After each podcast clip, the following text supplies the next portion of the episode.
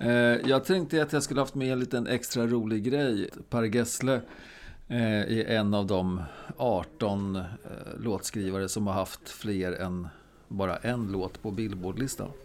Eh, och då tänkte jag att där borde ju Bowie också vara med. På Billboardlistan? Ja, på den, Billboard, eller på den listan över folk som har haft fler än en hit. Ja, är liksom, han inte på- det då?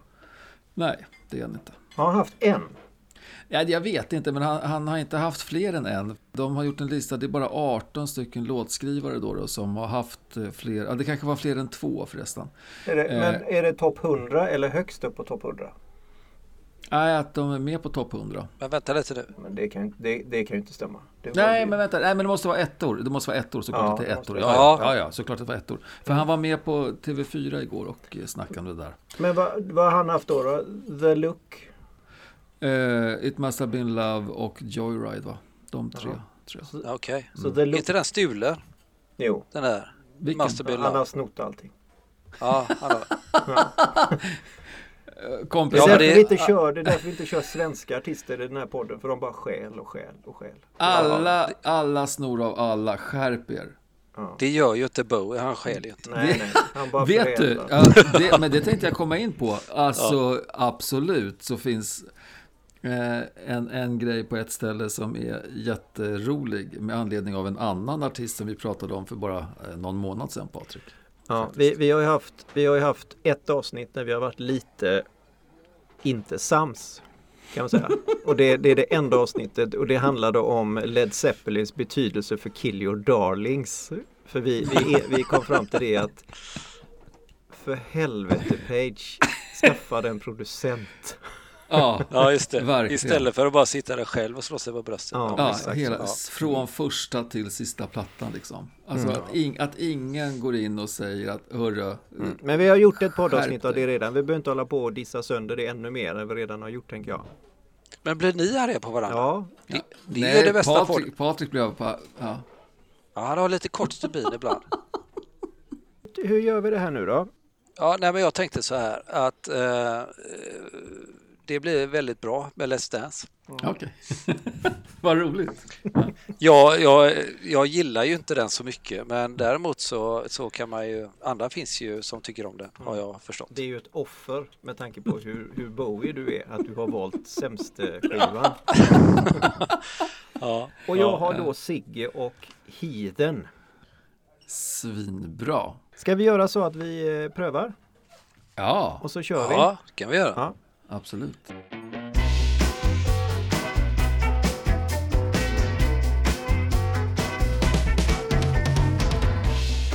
Hej och välkomna alla härliga poddlyssnare till det här avsnittet av X betydelse för Y. Eh, jag heter ju då som vanligt Sverker Hemring, jobbar ju på Handelsbanken som kommunikatör. Och jag har faktiskt två personer med mig idag. Det stämmer. Tjallojs alla poddlyssnare. Det här är Patrik Löfqvist, eh, Sverkers parhäst och trogne vapendragare. Eh, för er som inte minns det så är jag Senior Training Specialist på Semcon i Göteborg. Men våran tredje vagn under hjulet, Ja. vem har vi med oss? Anders Lillenberg, jag är till vardags rektor för en grundskola i Göteborg och eh, kämpar och sliter med barn, ungdomar och andra människor. Fan vad nice. Ja, och idag så ska du få kämpa med oss lite grann. Ja. Eh, Ja. det, det här blir spännande. Ja. Ja, vi har ju plockat in dig för att du är ju eh, makalöst mycket Bowie. Och det är ju det lite grann som det här avsnittet ska handla om idag, bland annat. Eh, Vi kommer ju, eh, eller vi kommer, vi har redan döpt det till Bowies betydelse för formgivning. Så det kommer bli asnice att lyssna på det. Mm. Känns ju, känns ju lite tufft att känna att man är eh, makalöst eh, bevandrad inom Bowie-världen och eh, hans eh, leverne och så. Det kan jag väl kanske inte påstå att jag är, men det är en väldigt, väldigt nära god, vad ska vi säga, konstnär.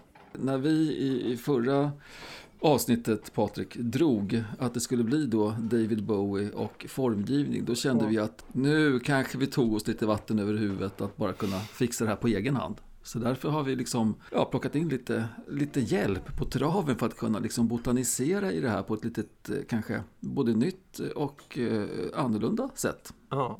Och Ja. om det är lurigt att klippa ihop två personers jidder och jadder så är det nog ingenting mot vad det kommer att bli att klippa ihop tre personers jidder och jadder. Ja. Vad Eh. menar du Patrik? Vi sitter alltså inte på samma plats och pratar? Nej, nej, vi gör inte det. Det här är ju Nej. ett litet eh, digitalt fusk Ja. Mm. som vi håller på med. Eh, jag står ju ute i mitt kalla garage. Du Anders sitter ju i en eh, kommunal lokal i den stora staden bredvid den där jag är. Ja. Ja, Sverker, du är ute i Ja. skogen någonstans va? ja, jag sitter uppe i Roslagen nere i vårt eh, gästhus på vårt lilla landställe som jag och frugan har. Ja. Så är det. Bowies betydelse för formgivning. Vi ska ju börja med att någonstans förklara vad är formgivning då? Just det. Eh, Och det är ju, eh, ja, den, den eh, Wikipedia-betydelsen handlar ju då väldigt mycket om grafisk form. Alltså att formge någonting. Vi har väl mera tänkt att vi ska försöka att prata om hur David Bowie gav saker form och vilken betydelse det har. Eh, han var ju formgivare också. Eh, han är Mm. ju till och med utbildad formgivare och var en ganska duktig typograf. Han har ju haft väldigt, väldigt mycket att göra med formgivningen av sina, eh, sina album. Mm. Så han är, han är väldigt spännande, väldigt eh, kul på väldigt många olika sätt eh, inom olika delar av formgivning. Då. Men det är väl det som är lite intressant med honom, alltså att han har ju, när det gäller form och David Bowie så går det verkligen hand i hand och har gjort Mm. genom hela hans karriär ända från, från början. Att, och det har ju inte bara varit form med, liksom här, med omslag utan det har ju varit form med honom själv i, i liksom, nästan i första rummet. Hur han har liksom transformerat sig, formgett sig själv i, i massa olika skepnader. changes. Turn and face the strain. To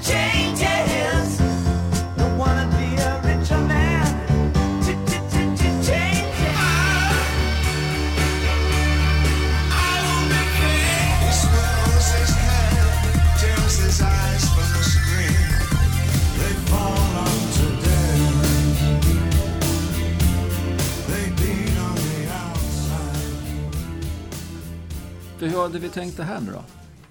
Om man nu ska ha någon form av teori i sammanhanget så är det ju ändå så att, att eh, Bowie utvecklas ju någon form eh, ut, ut efter sin ålder och dessutom utifrån sitt innehåll så att det är möjligt att det ändå inte är så dumt att ta det i kronologisk ordning. Nej, jag håller med. Eh, Jag håller med. Kanske.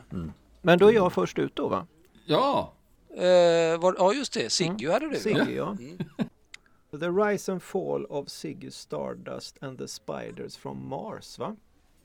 Yes. Det är det korta namnet på det albumet. alltså sicken titel på en platta. Ja, det är alldeles sinnessjukt och det är ju också alltså, vilken platta det egentligen är. Eh, det är ju hans femte studioalbum.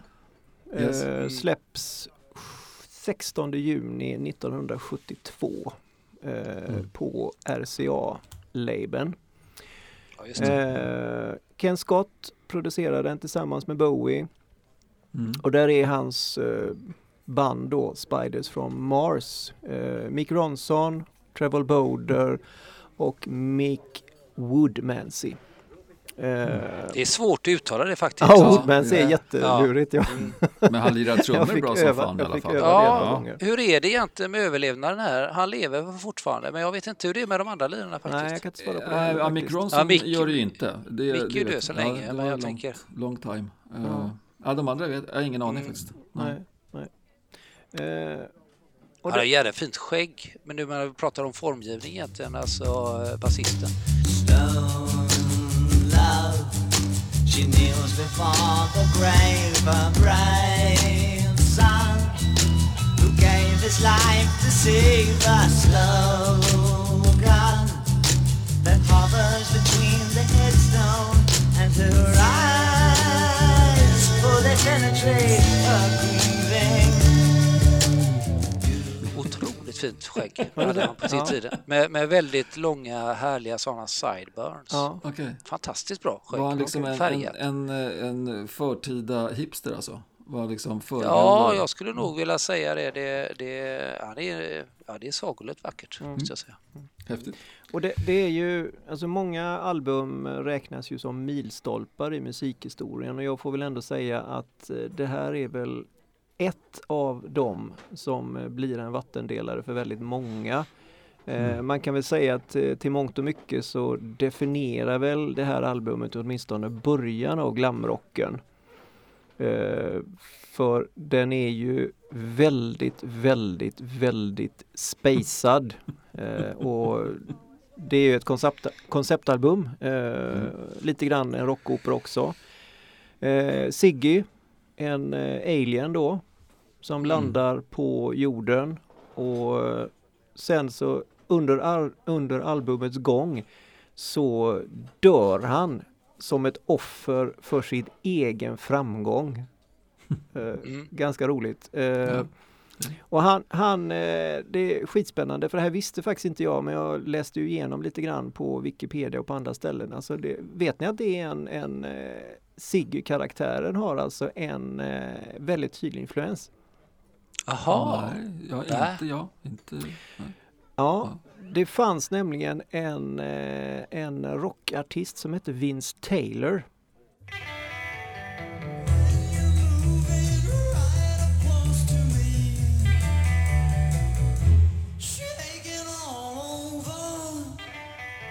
Som eh, uppstod som någon form av eh, engelsk Elvis Presley. Som kallades The Legendary Stardust Cowboy. ja Dessutom- men vänta detta har jag inte hört talas om. Ja, Ja. och dessutom har han också fått lite inspiration från en eh, japansk modedesigner som Mm. heter Kansai Yamamoto. Mm. Okej. Eh, och Vince Taylor då, han blev eh, jättekänd i eh, England och eh, man kan lyssna på eh, i själva låten eh, Ziggy Stardust, där beskriver han faktiskt eh, Vince Taylor. Mhm.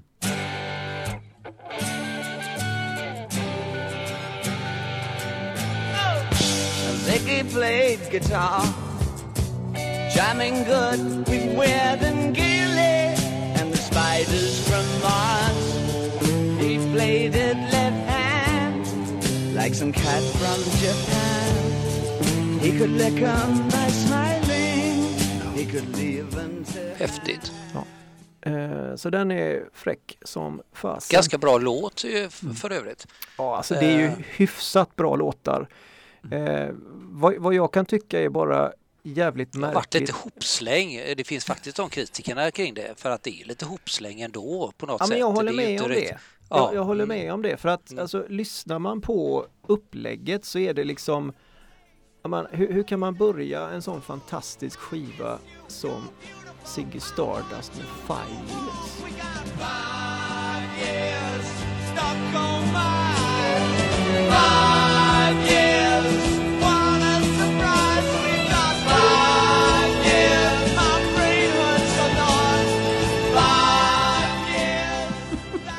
Alltså då vill ju alla gå och hänga sig när den låten är slut. Om det hade varit nu. Man, man satt hemma och, och tryckte ihop någonting på Sp- Spotify till exempel. Men eh, det var väl så att 72 då lyssnade man inte på musik på det sättet utan eh, ja. Håller du inte med Anders? Jo, jag håller med. Eh, den är ju inte jätterolig, men om man nu tänker sig på, på vad Bowie egentligen gör utifrån någon form av form eller formgivning så är det klart att han påverkas ju ganska mycket av sitt egna sätt. Han är ju ganska mörk i sig. va? Mm. Eh, Så det kanske inte är så, så dumt att, börja med Five Years utav den anledningen. Nej. Med tanke på att den är, är inte så jätteroligt upplägg på låt kanske. Men, men, eh, men eh, men ja, man vet inte. Nej, men man tänker sig ändå att det här med vilken ordning man sätter låtar.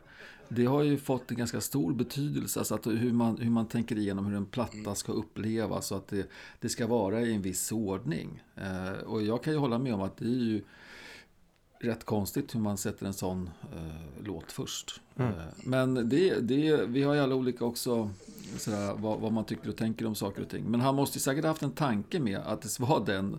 Alltså, det är inte bara en slump hur låtarna läggs på en platta. Inte ens 1972, tror jag. Nej då det blir är det säkert inte. Jag tycker bara att det är, det, är en, det är en konstig slump. Sen det är klart man vet inte vilka låtar som kommer att slå. Men alltså att Ziggy Stardust, Suffragette City och Rock'n'Roll Suicide. Det är de tre sista låtarna på sidan två på ett album. Det tycker jag är, ja. Ja. Det är lite anmärkningsvärt. Hade man vetat det man visste nu så tror jag man hade nog åtminstone lagt eh, Suffragette City på före Five Years. Det hade jag gjort i alla fall. Ja,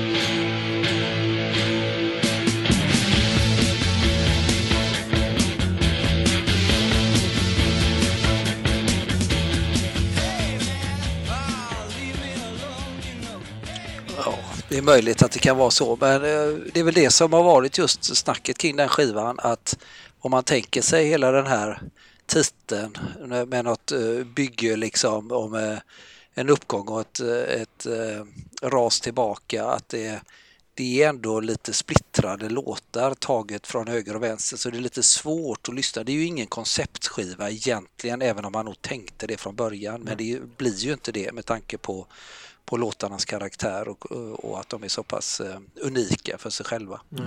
Nej. Nej, Så att, eh, ja. Eh, lite grann om albumet då. Eh, Den är ju fotograferad eh, av en kille som heter eh, Ward.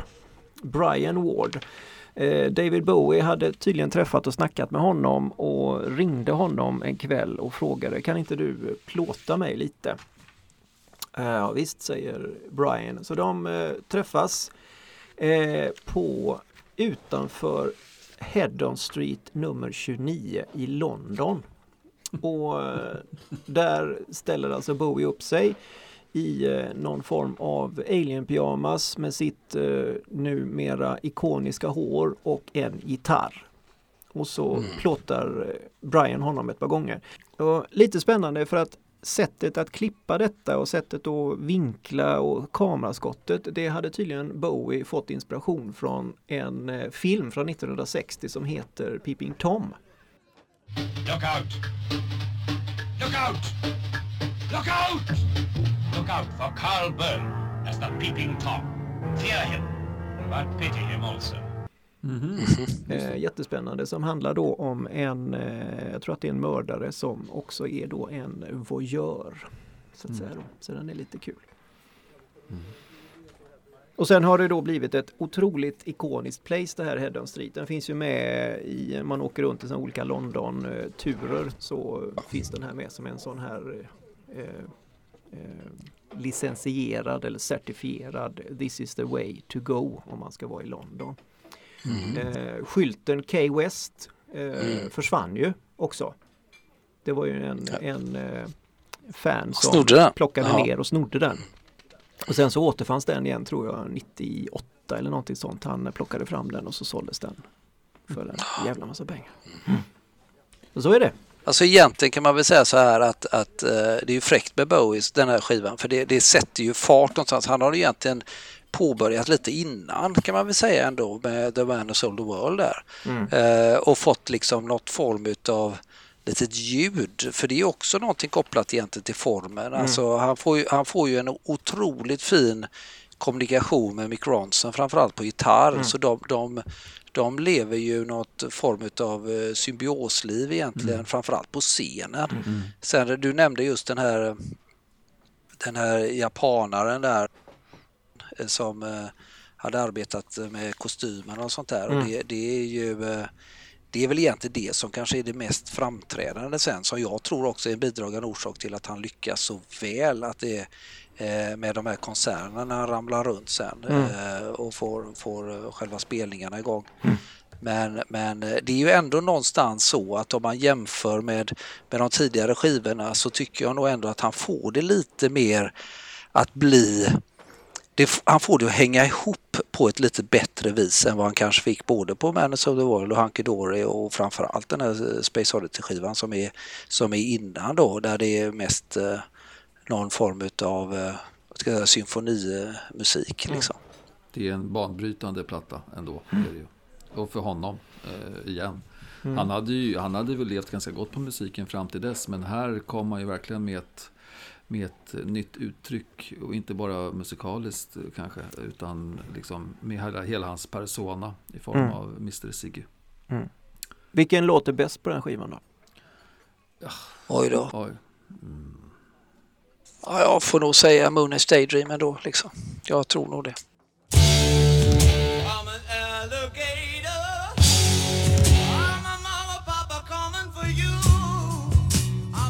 Shut.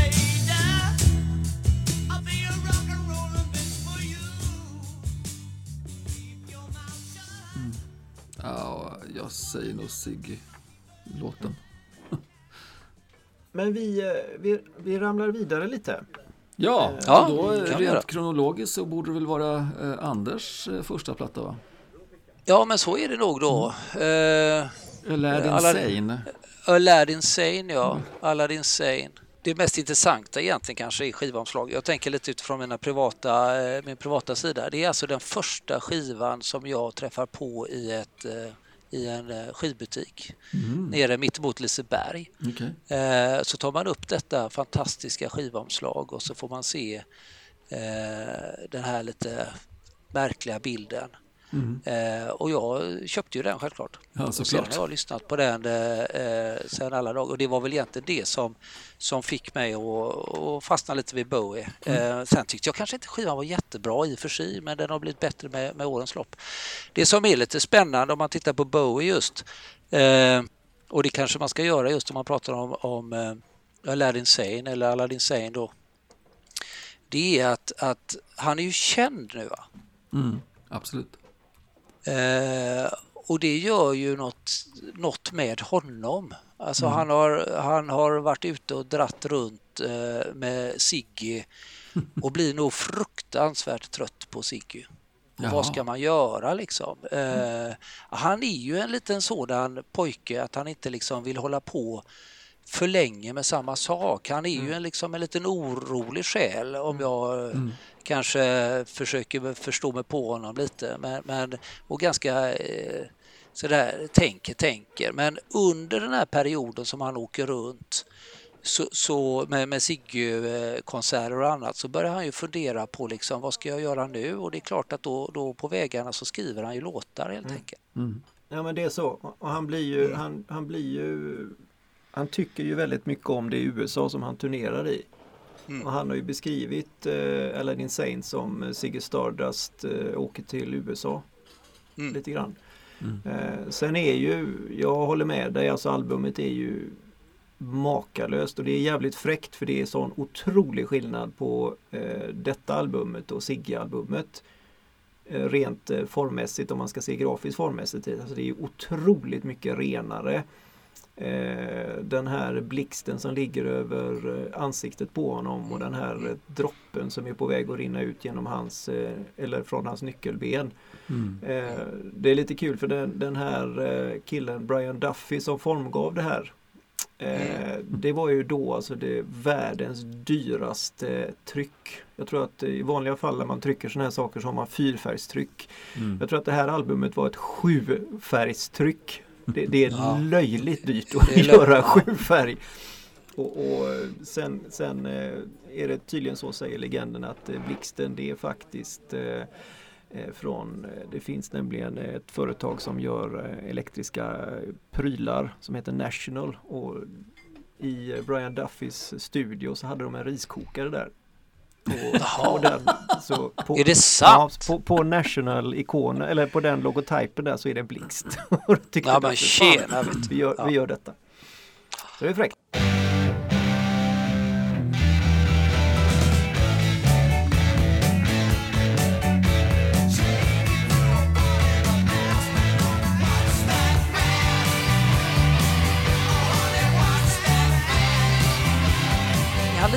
Samma gäng fortfarande nu va? Alltså det är ja, ju. Si- Siggy-bandet och det, det är liksom sådär och, och han har ju lite inspirationer här, han dun- dundrar runt där. Det är ju en glamskiva ska vi ju veta fortfarande. Han är ju fortfarande kvar där men det är ju ganska, det är lite rockigt också. Va? Det, han plockar Eh. in en cover också här, det är ju rätt Mm. roligt.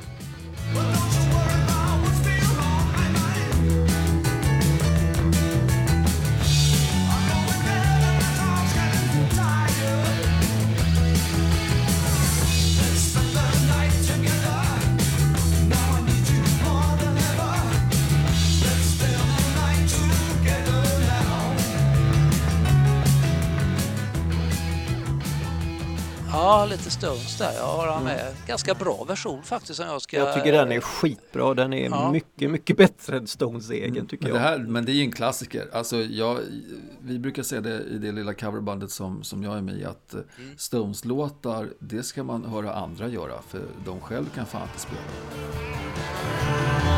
Don't you worry about what's on your mind, oh no.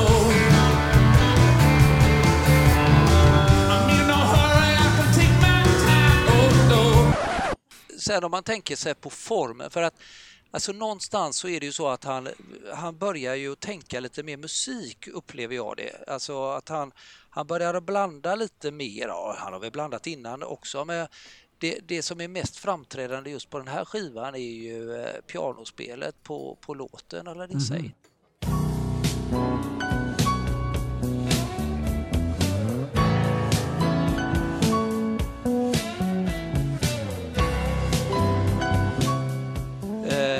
får ju hitta ju en kille, om man nu tänker om man backar lite så får han ju med Rick Wakeman en gång på Hunky Dory där på Life on Mars och det är ju liksom en, en duktig pianist från eh, Yes som, som kommer in och spelar lite och, och, men sen så får han ju ko- kolla på Mike Garson va? som är alltså en jazzpianist Vad häftigt. och gör någonting som jag i alla fall kommer ihåg då när man lyssnade på den här skivan första gången. Då när, nu ska vi se, när kan detta ha varit? Eh, jag var väl, ja, var är vi någonstans? 80, eh, kanske inte riktigt där, 78 någonting kanske, något sånt där skulle jag kunna tänka mig. Då är man ju inte så, man är ju ganska eh, lite ja, Pippi Långstrump-aktig kanske, lite sådär va, ni vet. eh. Så att när man hör det här pianospelet så tänker man, vad är det här för skit? Och sen så förstår man ju, ju äldre man blir, att det är ju något helt makalöst vackert eh, lirat. Och som gör att det blir, det blir, en, det blir en helt annan låt. Så att utifrån den den eh, formen som man kan skapa eh, och som Bowie gör på denna skivan när han blandar liksom en, en enkel Watch That Man med, med eh, Aladdin Sane så, så måste jag säga att han, han, han träffar en ganska bred publik här. Eh, och det, det, är, ja, det är bra jobbat och också tror jag faktiskt lite vågat att lägga in det där men då kanske det bygger på att han har ganska gott självförtroende just i, i, i den här tiden liksom. Skulle jag kunna tänka mig. Jag, jag, ja, jag kan hålla med dig där Anders med flera saker och, och en av grejerna som jag verkligen håller med dig om det är ju det här att han är inte bara lättlyssnad. Alltså det kräver lite att faktiskt ta sig in i, i hans musikskatt. Men det är också det att väldigt många av låtarna är ju saker som man har lyssnat på i kanske 25 års tid. Och man kan gå ifrån dem, vara ifrån dem en 5-6 år och när man sätter på dem igen så hittar man någonting annat därför att man har själv utvecklats då. Så att man upptäckte nya grejer. Precis det som du säger om pianospelet. Men det, det här är lite kul tycker jag, liksom, eh, när, man, när mötte man David Bowie första gången? För dig var det då Anders när du gick ner och såg Al- Aladdin Ja. Sane-omslaget. Ja, faktiskt ihop med en annan skiva också. Och det, det, det var, nu ska vi säga, det är alltså mellanstadiet och jag började väl i skolan kanske 76 och sen så är man några år till där, en, en fyran eller femman. Så att eh, det, det är precis i skiftet där eh, någonstans. Ungefär samtidigt som Scary Monsters kommer ut. Precis innan tror jag för mig. Eh, och den var ju det var ju något helt annat att lyssna till jämfört med egentligen vad den, den tyckte man var roligare vid den tiden.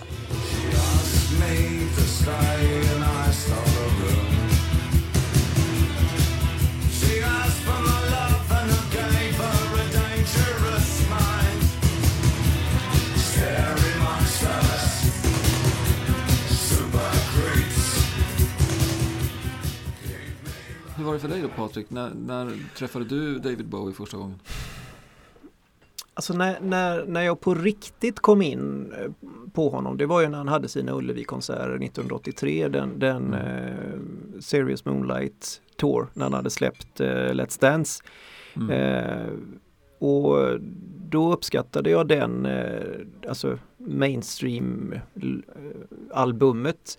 Eh, sen hade jag väl kanske hört honom ett par gånger på radion eller någonting sånt men det, jag hade inte fastnat utan jag tyckte att en del låtar, en del låtar var bra. eh, Och sen eh, allt efterhand jag blev äldre så insåg jag att jaha, det här är en Bowie-låt. Den tyckte jag ju var jättebra när jag hörde den men jag visste inte att det var han. Så Nej, att, eh, precis. 83 var första gången som jag Mm. på riktigt hörde honom då och sen eh, var jag ju både på, eller var ju på den konserten även 86 när han var på Eriksberg på Glass Spider Tour. Just det. Men det där är intressant det du säger, att man, man har hört David Bowie men man visste inte att det var han. Liksom, just för att han har ju haft så många olika skepnader. Mm. Eh, och gjort så många olika typer av liksom, låtar i massa olika genrer. Det är ju, Mm. alltså, snacka om bredd. Alltså Mm. han är ju en av världshistoriens mest kompletta, komplexa, kreativa och eh, fantastiska musiker och låtskrivare fucking ever tycker jag. Ja, för vi, vi, eh, vi hoppar ju över Pinups då. Eh, Ja. Coveralbumet. Det Ja. behöver vi inte orda så mycket om. Och så kommer vi till ditt första album, Sverker. Ja, just det. Nej, det gör vi faktiskt inte. För jag tycker ändå innan, vi måste ändå prata låtar lite. Ja, det måste Aladdin Sane. Ja, förlåt. Ja, såklart. För det, det, vi måste lika väl som du Patrik sa i samband med Sigge-plattan, alltså Ja. vilken är den bästa låten på Aladdin Sane? Gene Genie.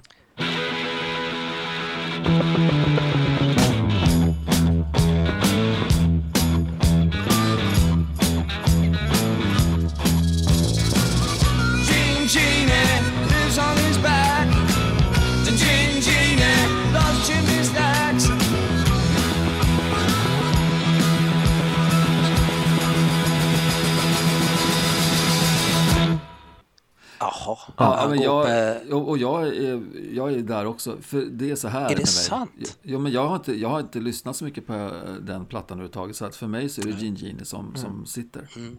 Nej, det är sånt väl det kanske- jävla groove i den så det är inte klokt. Alltså det, det, Mm. jag, jag fattar inte riktigt hur de får till eh, rytmen i den här låten men jag tycker den är helt makalös. Ja, men det är det. Och jag, jag kommer komma in på just det här lite konstiga takter på, på nästa skiva. Ja, nu får du säga Anders, vilken tycker du är bästa plattan på? Ja, jag tycker faktiskt Time, he's waiting in the wings. He speaks of senseless things. His script is you and me. Boy. Time,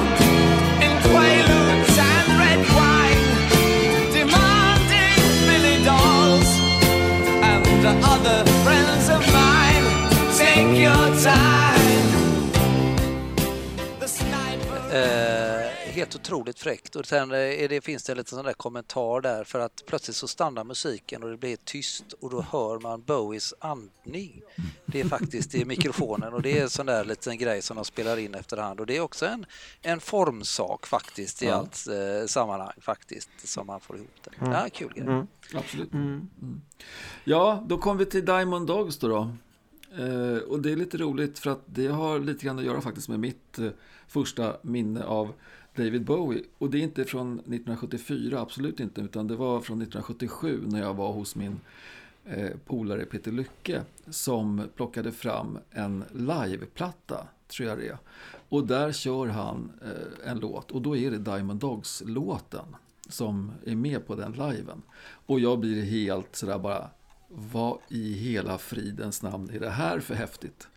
Eh, sen ska jag inte säga att eh, jag fastnar för David Bowie till 100% sen dess. Men sen dess har han i alla fall funnits med eh, hos mig på något vis. Men det är därför jag tyckte det var kul att ta just då Diamond Dogs-plattan.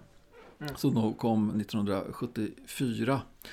För här har han ju då brytit med hela Spiders from Mars-bandet. Mm. Så inget mer Mick Ronson på gitarr utan Bowie spelar ju alla gitarrer. Och så har han en massa studiomusiker som gör eh, allt det andra. Och jag måste ju då såklart nämna trummisen Ansley Dunbar som är en fenomenal trummis som drog igång och lirade med Journey eh, liksom Okej. i början på 70-talet. Och han, ja, han tillsammans med Nils Sean, eh, strunt samma, det är ett annat poddavsnitt. Men sen så blir han inplockad på den här plattan.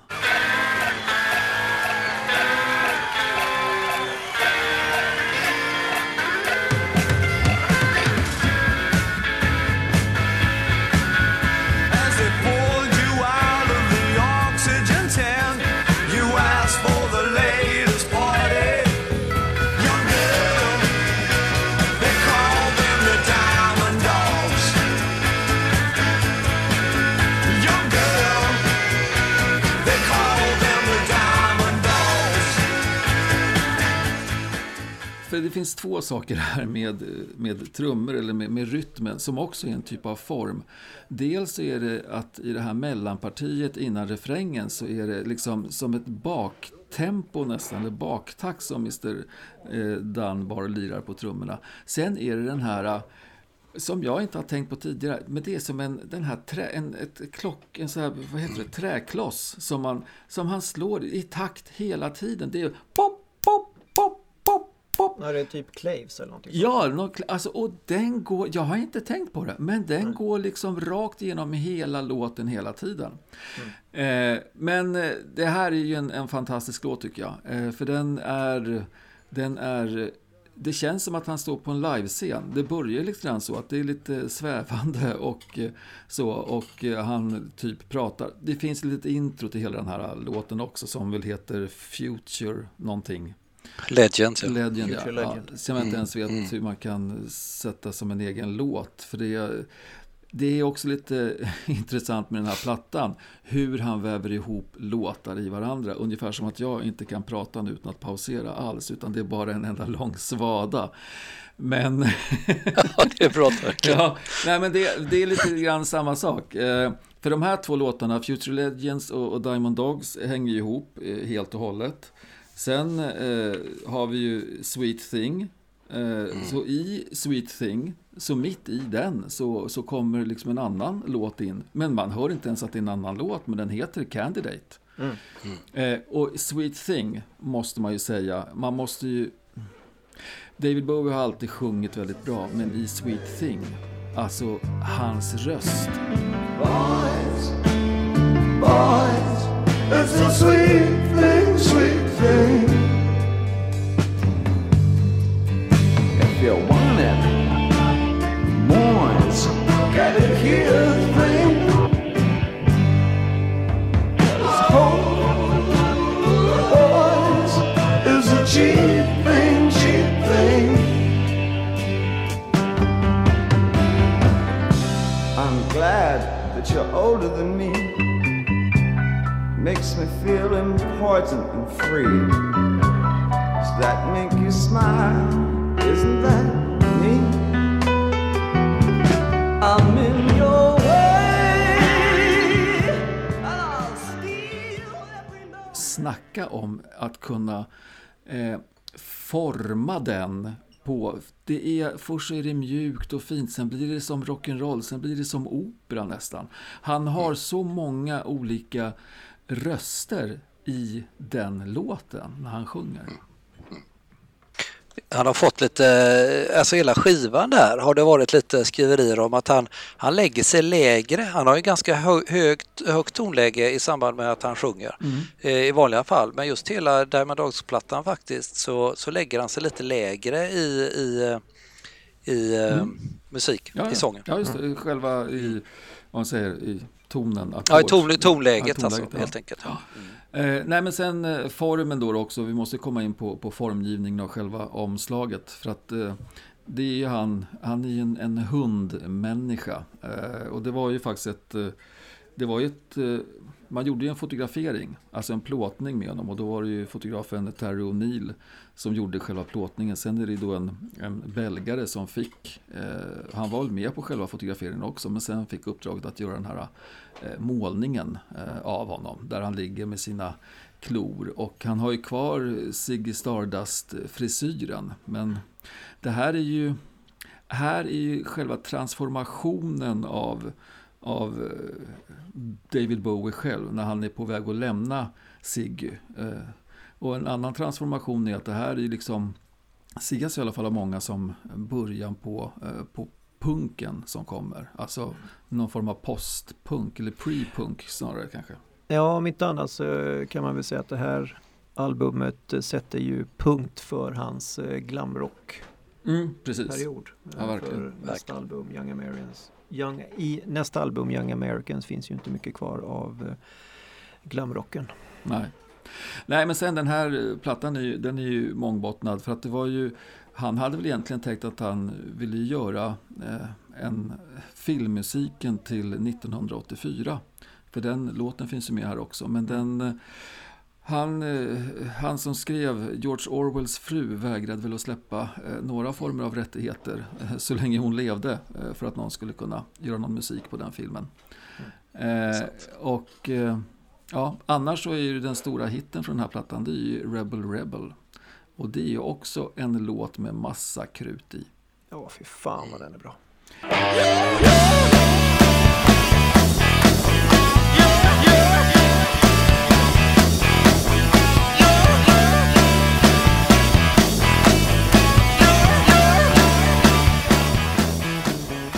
Alltså har jag...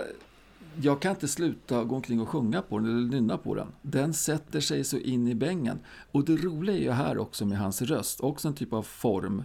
Han låter ju faktiskt, tycker jag, som Mick Jagger när han, i början på, på Rebel Rebel. Han låter ju inte som David Bowie som han är van Nej, det gör han inte. Det, Han låter som och- en vanlig rocksångare. Ja, det gör han. Och, och som du säger, riffet är fullständigt sinnessjukt eh, vad det sätter sig alltså. Ja, och då lirar han gitarrerna själv. Alltså, han hade Ja. lite vånda med det här, att, att, att få lira alla gitarrer Han har själv. lite att stå upp mot. Ja, lite grann och liksom, eh, ja, kunna, inte övertrumfa men i alla fall svara upp mot helt klart. Ja. Det, är, det är ju en, lit- det är en lite rolig spännande historia, jag måste nog säga det, för det har ju alltid gått ett litet rykte kring Rebel Rebel och Angie, Mm. Stones Angie då. Mm. Eh, för det är ju så att eh, man, om man lyssnar på Stones Angie så förstår man ju att inte det är Stones som kanske har gjort den låten. Mm. För den är mer lik Bowie. Ja, Medan Rebel det- Rebel är ju ganska eh, lik. Ja, Aha. det finns helt enkelt ett snack om att de har bytt låtar med varandra men de, det är aldrig någon av dem som har erkänt detta. Nej. Det skulle ju faktiskt kunna vara så. Det hade ju inte varit första gången i så fall som folk Nej. lånar. Nej, det är ju lite så. Eh, Man kanske ska säga också det att den producenten som väl Bowie kanske har jobbat mest med och gjort honom mest eh, kanske berömd förutom Brian Eno då och Tony Visconti är ju tillbaka här också efter Ja, jag är så glad att frånvaro. du plockar upp eh, producentlinjen här. Ja, det brukar vara du som gör det. Ja, Nu tack tog jag Patrik. just det den här gången. Ja. Eh, ja, Men, det, Eh. men vänta, jag måste ändå, för det är nämligen som så att han är inte med egentligen och producerar den här plattan, utan han är med och gör stråkarrangemang och sen är han med och mixar plattan. Men så så, som producent för skivan så står faktiskt David Bowie själv. ja. Om man ska vara liksom, men eh, Mr Viscontin är tillbaka i alla fall. Mm. Och det är härligt. Mm. Men sen eh, i, i, nu i, långt efter, eller så när, när folk börjar räkna, räkna ihop vad David Bowie har gjort, så är det ju väldigt många som hyllar David, eller Diamond Dogs som en av de bästa skivorna som han har gjort. Alltså to, på totalen.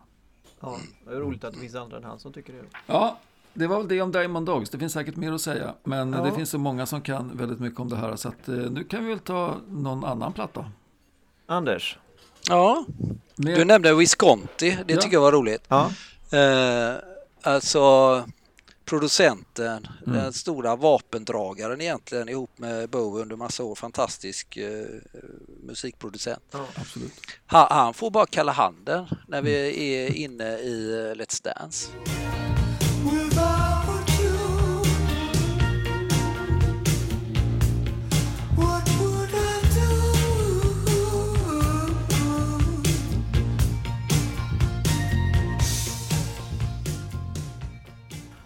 Det måste hända något nytt och, och det går ju lite rykte om han att liksom, han hade väl haft sina förhoppningar och det var väl ganska givet tänkte väl Visconti att han skulle kunna få vara med och så plötsligt så finns det en annan lirare, de har redan varit inne i studion en period där. Ja. Eh, Nej, jag, vill prata, jag vill jobba med Nile nu istället. ja, jag vill jobba med precis. Nile. Ja. Nile. Eh, Och vilken, alltså det är ju Det är klart att producenter gör väldigt mycket till, till låt eller till, till skivans tillblivelse och, och, och formen för det.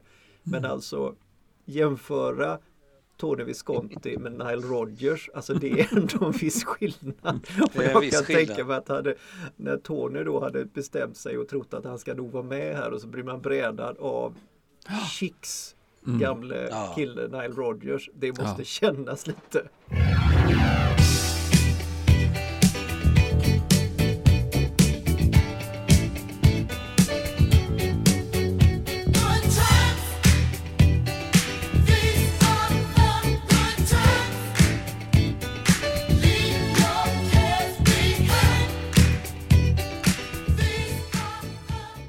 Ja, men det gjorde det väl. Det dröjde väl ganska länge innan de eh, drog ihop sig och fick ett eh, nytt samarbete, va? Var det inte så? Jo, men tror det, men det går ju också, det är ju rätt stor skillnad också på eh, Viscontins sätt att göra musik tycker jag och Nile Rodgers. Ja, För med Nile Rodgers så är det ju en helt annan typ av musik. Och det märker man ju också på Let's Dance. Den låter ju helt annorlunda. Det låter inte som någonting annat som Bowie har gjort ever. Nej.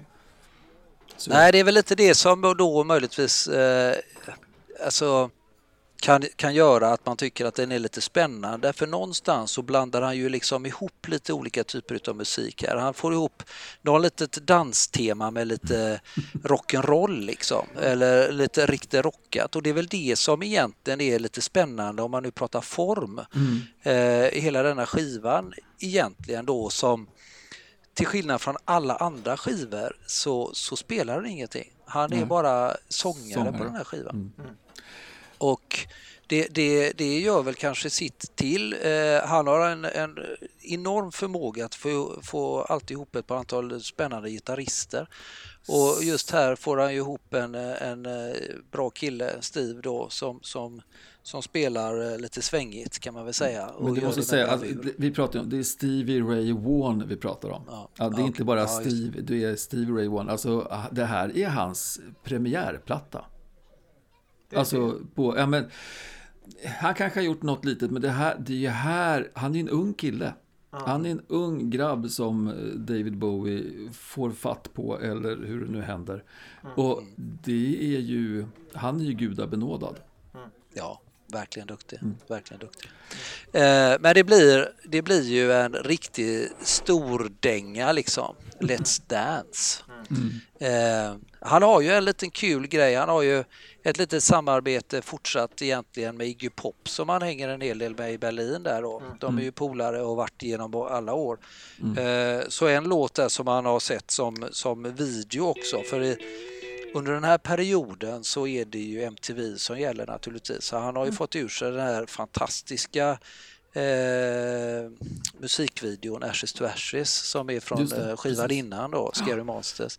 Just det. Och det är ju, den är ju också väldigt påkostad och lite annorlunda. Eh, Mm. men det är enormt spännande. Han får ju in sin teater här då, eh, lite under äldre år.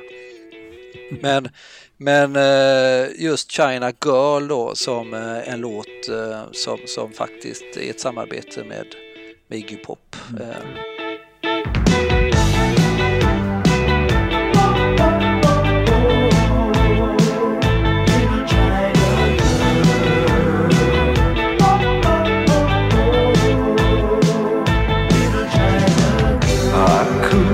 escape this feeling with my China girl. Men det roliga med China Girl är ju att Iggy Pop har gjort den själv.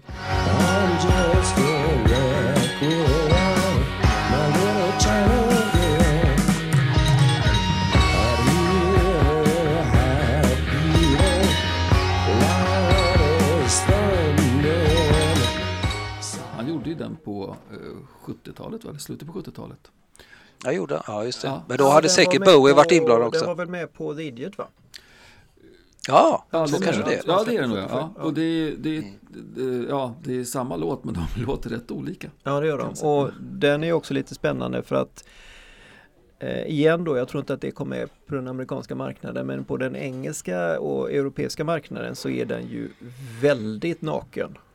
Den eh, videon till Den videon, ja. vilket Ja, gjorde att det. den fick ju våldsamt uppseende. Sen är det ju om man tittar på hur den är grafiskt gjord så är det ju, den ser ut som en musikvideo. Alltså till och med konigheten eh, ur, ur, som man då fick i sin tv därför att man hade så taskig upplösning på den är ju till och med den finns ju med. Ja. Och tittar man på, man tittar på typsnitten, man tittar på färgerna, man tittar på allting. Det är ju Mm. hyper MTV så du har helt rätt Ja. i det Anders. Det känns ju som den nästan gjordes för att finnas på MTV. Ja, men jag tror nästan så. Eh, I alla fall att man insåg att, för det, det här är ju mainstream, alltså vad, vad han gör här nu, jag, jag har inte riktigt koll på hur det ser, ser ut med hans ekonomi och sånt där, men om man tänker sig kanske floppen Lodger, eh, han får väl ihop lite med Heroes i och för sig och så. Low är lite spännande saker men han, han har ju haft det lite bekymmersamt med ekonomin genom åren. Så, så någonting gör han ju. Eh, för det första så, så börjar han ju ändå att klä upp sig lite på, på ett annorlunda vis. Eh, han, han tar på sig sin kostym igen. Den hade han ju som eh, sin Bike Duke då en, en gång i tiden. Han är ju gul och grejer och det är lite slips där och hit och så. Eh, blondar håret. Och, så att han gör ju någonting, kanske inte lite för att faktiskt tjäna pengar. Och det gör han ju enorma mängder på den här skivan. Va? Det är något helt galet. Men, men det här är lite grann det, det omvända kan jag tycka mot med, med Siggy-plattan som, alltså vi kanske inte ska jämföra låtarna så, men här har man ju tre fantastiska låtar som är de tre första låtarna. Det är liksom det är Modern Love, sen är det China Girl och sen kommer Let's Dance. Och sen behöver man inte lyssna mer på den där plattan, för det, det är de tre låtarna som är.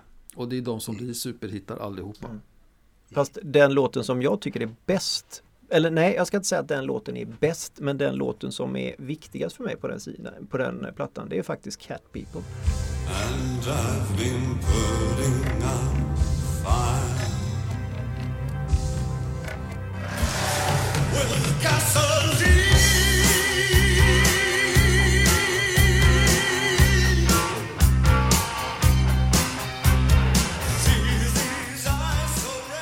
Därför att, därför att min, min, eh, min eh, brorsa hade den som singel för den, eh, den, eh, den det är väl någon filmlåt tror jag. Är det? Jajamän, Är det någon här film som heter Cat People eller Ja, någonting sånt? det, va? ja, ja visst. Eh, och det Eh, var, och, och jag tyckte att den var så jädra fräck. Särskilt när de hade liksom lyckats få elden och låta. Att man kunde ge eldljud. Det tyckte jag var så jädra Men- fräckt. Så att Cat men- People var, det, är- det är den viktigaste för mig. Tyvärr, jag är ledsen, det är så. Nej, men det är okej. Men det roliga är att det här är den andra versionen av Cat People-låten som är då producerad av Nile Rodgers. För originalet till filmen, den gjordes ju av Giorgio Moroder som även varit med och skrivit låten. Så den, och den kom väl något år tidigare eh, och släpptes på liksom filmplattan Cat People. Och den versionen tycker jag är så väldigt, väldigt mycket bättre. Okej. Den, inte- jag vet inte om jag har hört den faktiskt. Nej, lite- Man behöver inte nej. lyssna på den. Men eh, den var viktig då. Den var viktig då. Ja, jag fattar. Nej, det är, väl, eh, det är väl ändå så. Någonstans är det ju lite, du nämnde det här förut med den här konserten. Han, han fick ju väldigt stort eh, tryck i den här Moonlight, eh, vad den nu heter. Moonlight, Serious Moonlight Tour. Seri- ja, just det, Serious Moonlight Tour. Och då körde han ju alla de här stora låtarna egentligen som han hade fått ihop där. Men det är ju egentligen efter Let's Dance-skivan. Och det, det, då blir ju det är ju det som lyfter liksom hela, eh, han, han blir ju en enorm eh, musikikon liksom egentligen här eh, i det här sammanhanget. Eh, Men, ja, fra- fantastiskt. men framför allt, det är väl nu som han verkligen tar USA. Är det inte så? Är det inte med Let's Dance som han verkligen erövrar Fast han har ju gjort det med Young Americans. Den gick ju Ja. jätte, jättebra. Ja, okej. Det, det är ju Ja. lätt att, att tjusa ett folk genom att göra en, en, eh, en skiva som heter som Mm. landet. Ja, det har du helt rätt i. Det är Ja. jag som, jag har fått för mig att han, att det blev att han blev världsstörst eh, med den här plattan. Och det Ja men det blev. tror jag att han blev. Ja, det kan han- Det, det tror jag att han blev. Eh, Men, men eh, jag tror att han, han hade nog eh, sålt in eh, USA tidigare. Mm. Sen är det lite kul att han, han, han, han, eh, han tyckte ju inte att det här egentligen var det bästa han hade gjort. Eh, Absolut och sen inte. gör han ju då två stycken eh, låt, två stycken album till. Eh, som går väl sådär halvbra och han, han nämner ju den här perioden innan han då eh, fick nog och bildade Tin Machine. Han kallar ju detta för sina Phil Collins years och det tycker jag är jävla roligt. Ja, det är Ja, men det är faktiskt det riktigt faktiskt. kul. Det är typiskt Phil Collins. ja, det är väldigt Phil Collins.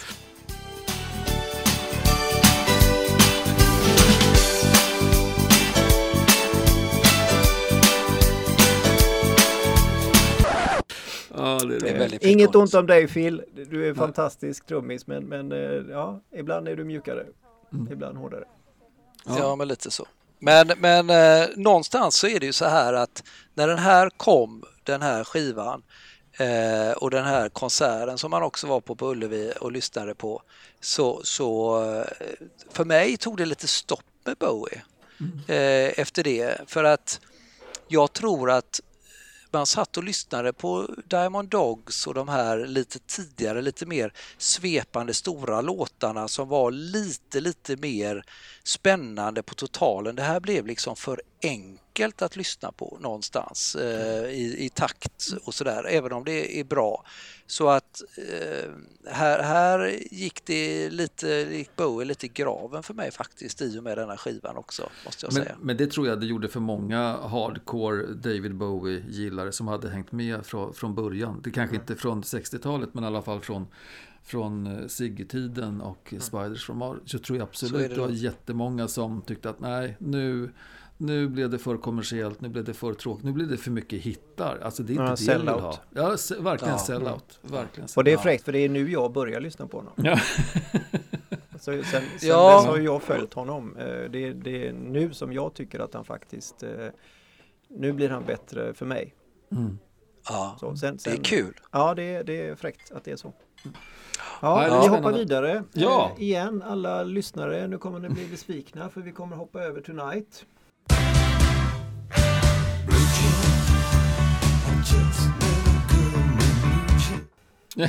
Vi kommer att hoppa över eh, samarbetet med Trevor Jones eh, i filmen Labyrinth.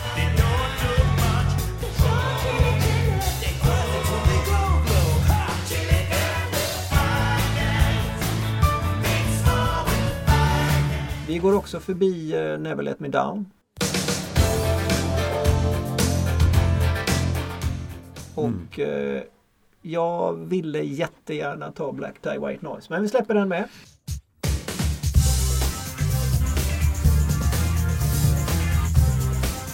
ja, vi släpper Eh. hela Tin Machine också.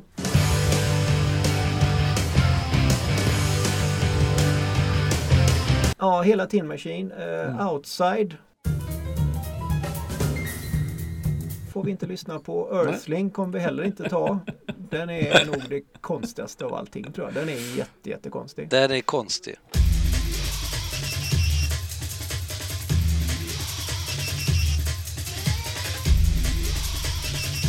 Det är den Ja. faktiskt. Eh, väldigt, väldigt synd att vi inte uppehåller oss kring Hours. Som är eh, för mig när jag, vad ska man säga, återupptäckte Bowie på riktigt igen. Eh, 98, 9 någonstans kommer den va, tror jag. 99. Eh, den innehåller dessutom en, eh, en eh, CD-ROM eh, Tjonkamonk. Den är ganska fräck som, som multimedia-skiva.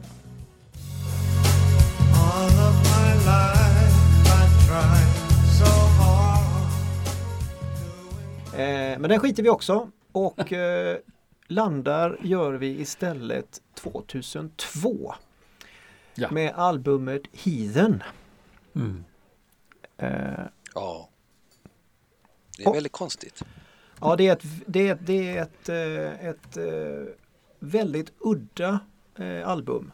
Är det.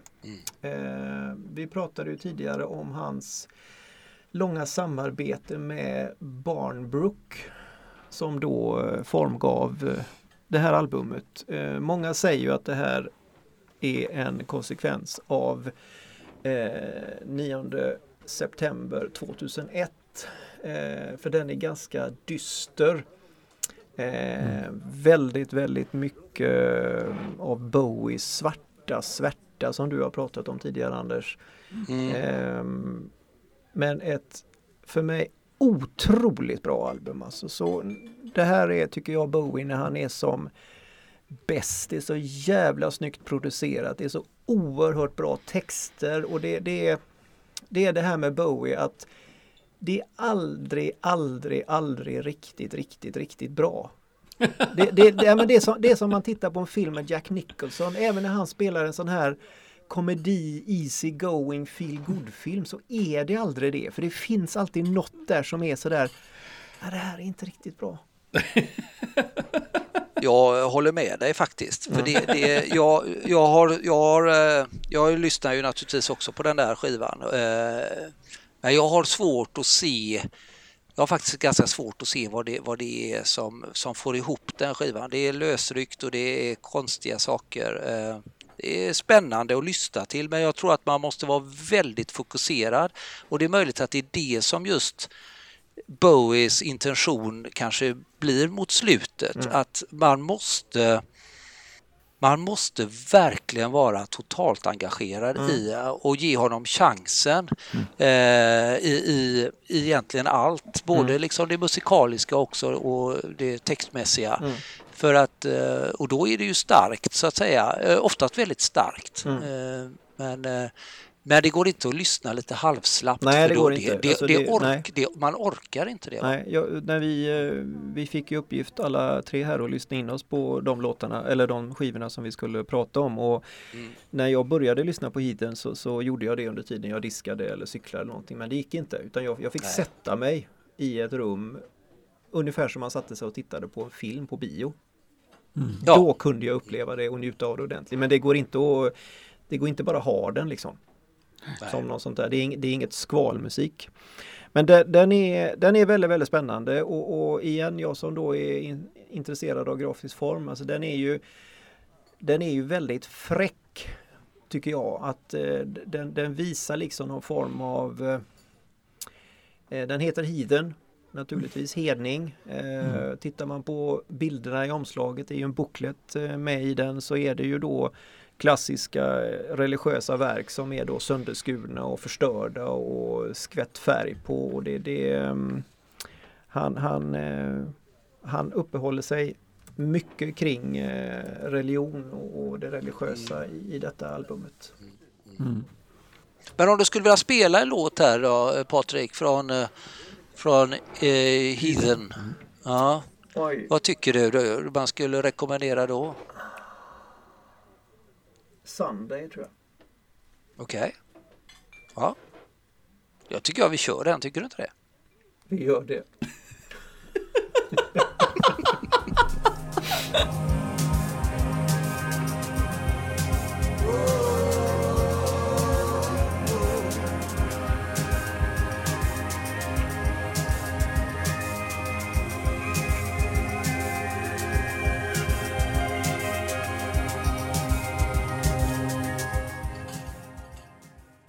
Fast, det, är, det här är faktiskt lite viktigt ändå för att det, någonstans är det, om man nu har lyssnat på eh, Let's Dance så kan man faktiskt stänga av efter Modern Love. Det går ju bra liksom. Eh, men, men någonstans är det så kanske, tycker jag, att, att lyssnar man på på Station to Station så är vi inte riktigt där. Eh, är, är vi på på, eh, på den här skivan, Heathen, Heathen då, så, så kan vi inte det riktigt heller. Jag tycker man behöver lyssna på ett par låtar i rad för att komma in i någon form av eh, stämning. Eh, Ja, det är, det, det är så och jag, jag tycker att det är inte så att Bowie direkt lättar på förlåten. Alltså det, det, det här är en av de skivorna som jag har eh, inte ägt men haft eh, och velat lyssna på som faktiskt kräver lite av sin lyssnare. Eh, Som jag sa tidigare, man kan inte, du kan inte diska eller byta blöjor eller cykla eller träna till den här skivan. Det går inte. Och det är inte det den är till för heller känns det som. Utan det här är jag, jag vill säga någonting nu och jag, jag vill gärna att du sitter ner eller ställer dig någonstans där du kan lyssna i lugn och ro och göra det. mm. Vilken tycker ni då? Eh, nej, jag gillar Slow Burn faktiskt.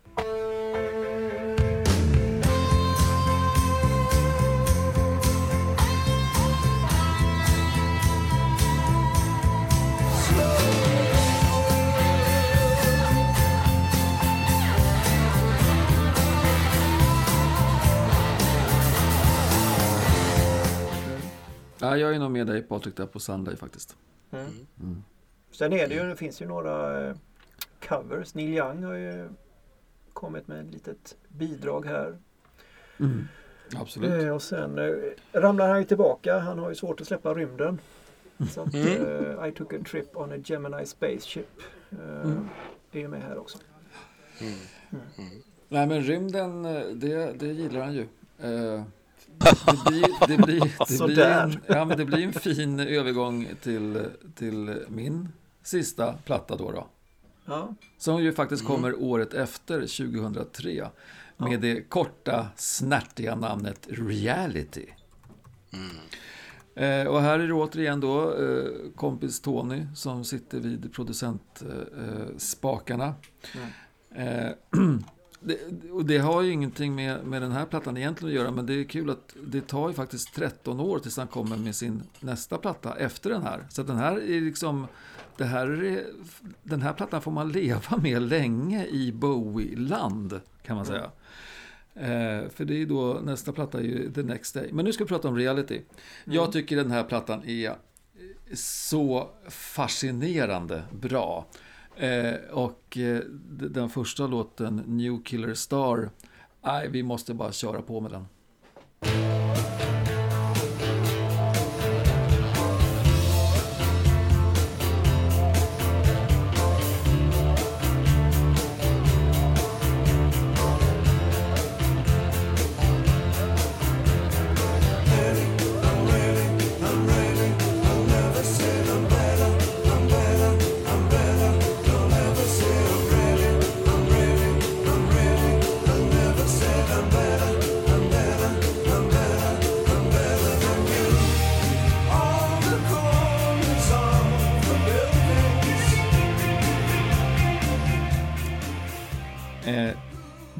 Roliga med den här plattan, det är att, eller den här låten tycker jag, den har, den har som tre distinkta olika delar i sig som man nästan skulle, skulle kunna göra liksom tre separata låtar av. Men nej, inte David Bowie och inte Tony Visconti utan de gör en låt med de här tre helt egna liksom, och storartade delarna. Det här kanske blir svårt att göra någonting med, men jag måste bara få säga det i alla fall. Eh, sen tycker jag, det som är så himla häftigt med det här, de, de har med en låt, han har plockat med en låt som heter Pablo Picasso. Och när man börjar grotta det lite grann så är det en cover som är skriven av en kille som heter Jonathan Richman som hade ett band som heter Modern Lovers på 70-talet. People Pablo Picasso. You could walk down your street, and girls could not resist the stare, and so Pablo Picasso was never called an asshole. Och nu alla musiknördar och formgivningsnördar. För vem var trummis i Modern Lover? Jo, min gamla trummis David Robinson från The Cars som vi pratade om i ett tidigare Oj. avsnitt. Och vad var David Robinsons andra jobb i The Cars med att, med att vara trummis? Jo, han formgav alla omslag.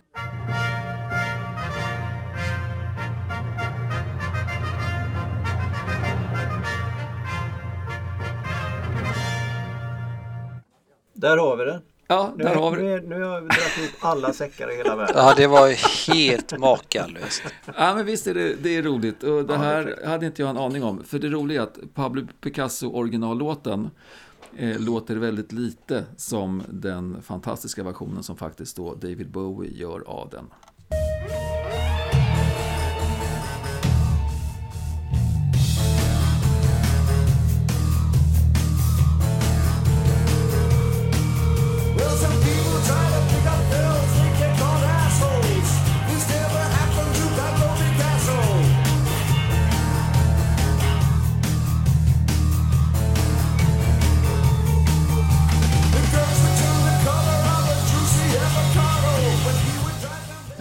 Så. Sen eh, tycker jag en, en annan, eh, ja, det här med, med omslag då. då. Eh, han använder sig av samma eh, Barnbrook här som förra plattan som vi pratade om, om alldeles nyss. Här har han ju även plockat fram, tagit fram ett typsnitt som är just för den här skivan. Mm. Okej. Ja, och det, för han är ju, han, Jonathan Barnbrook, han är ju även en typsnittsritare. Eh, ritare. Ja, det är Eh, väldigt häftigt. Eh, här är det ju då inte något fotografi eller så på, på herr Bowie på omslaget utan det är ju då eh, en illustratör som har tagit fotografier av Bowie och sen gjort eh, liksom illustrationer av det. Så att, eh, Ja, och det är ju nästan lite eh, Alltså det är någon manga-grej. ja, det är lite naivistiskt på något vis. Sådär. Ja, det är det. Mm, ja. Väldigt så. Ja, det är coolt. Eh, sen var Och det, det, något- jag tycker också det är väldigt roligt att de väljer att göra en illustration på ett album som heter Reality. Det tycker jag. det- alltså, han, har hu- han har humor. Ja, han har humor. Verkligen, verkligen.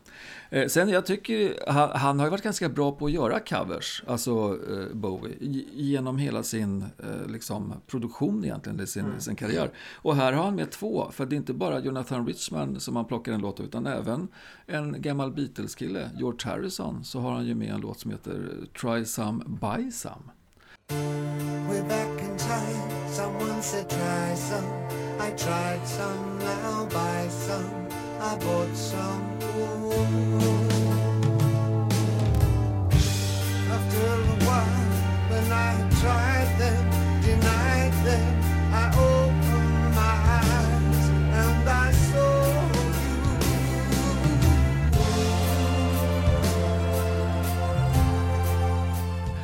Så att han, han plockar ju upp andra artister, vad de har gjort också. Och det tycker jag, det är lite hedervärt av en sån stor ikon, legend som han själv faktiskt är. Eh, jag tycker det är lite fint. Eh, sen måste jag ju såklart nämna musiker på den här plattan och då är det ju trummisen och det är då Sterling Campbell. Hans driv eh, med liksom de här låtarna. Han är även med på turnén som jag ser då när han kommer lite senare 2003 till eh, Globen. Helt grymt. Och då är även faktiskt eh, tjejen som egentligen bara sjunger bakgrundskörar på skivan, eh, Gail Ann Dorsey, hon är ju basist också och då lirar hon bas live. Och de här två, Sterling och eh, Gail Ann, alltså deras rytmsektion live, nu kan vi kanske inte spela någonting därifrån, Nej, det är fascinerande bra. Det är, man bara sitter, står och njuter. Det var riktigt, riktigt bra. Jo, och ni nu alla lyssnare som undrar hur jag kunde dra den här parallellen till det här med att han gillar det här med rymd fortfarande. Jo, men på den här plattan så har han ju den fantastiska låten Fall Dog Bombs the Moon.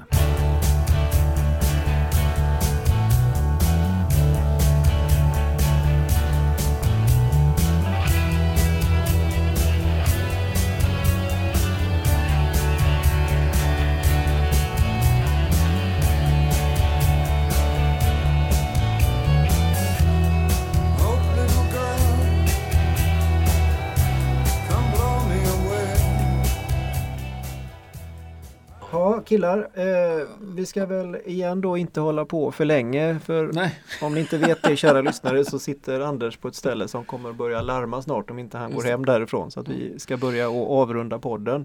men... Eh, ja. Men vad säger vi då?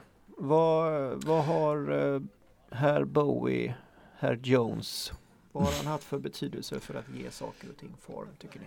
Ja, jag, jag börjar och jag säger bara oerhört mycket, säger jag. Eh, han har varit en tongivande kraft på många plan och inte minst på formens plan.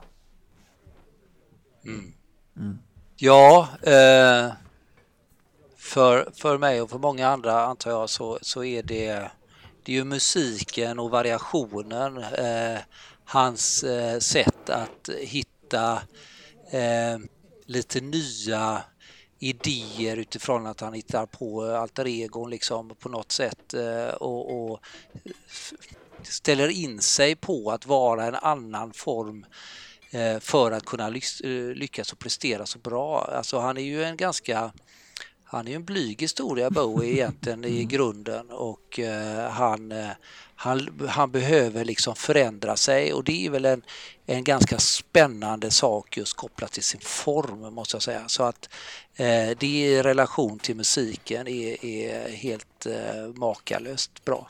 Det är det fantastiskt. Sen att man får avsluta med att slänga upp lite skiva precis innan man går och, och lägger sig i graven också. Det är ju helt, helt makalöst spännande. Ja, det, den orkestreringen är ju Ja. ja. magnifik på något vis.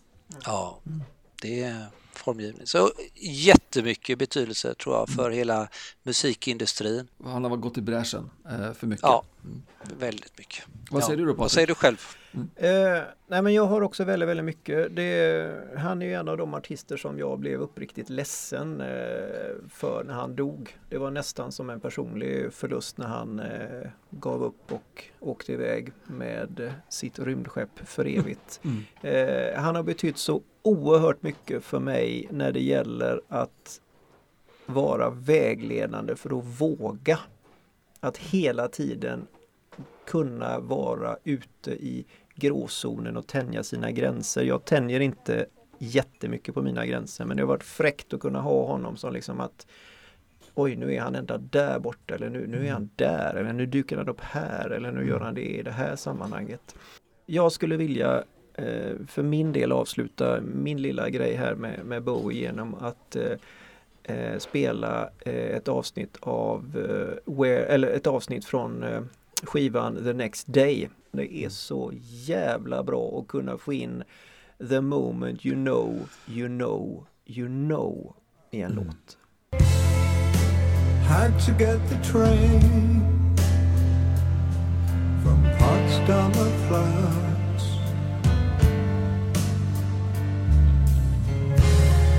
You never knew that, that I could do that. Just walking the dead.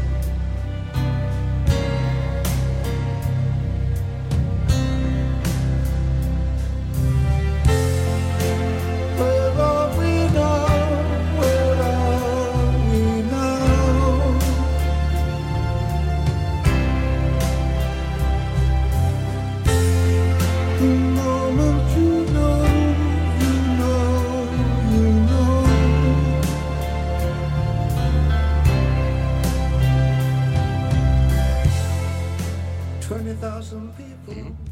Det är snyggt. Ja, jag tycker den är Ja, riktigt snyggt.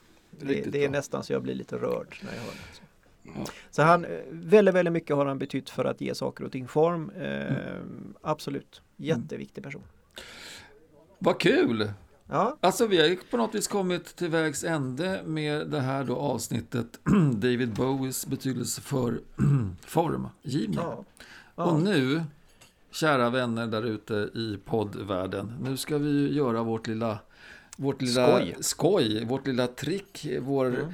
lilla vad ska nästa program handla om? Och Mm. den här gången har vi ett eh, liten ny eh, take på det hela. ja, vi Ja. väljer att göra ett eh, specialavsnitt nästa gång. Ja, faktiskt. Ja.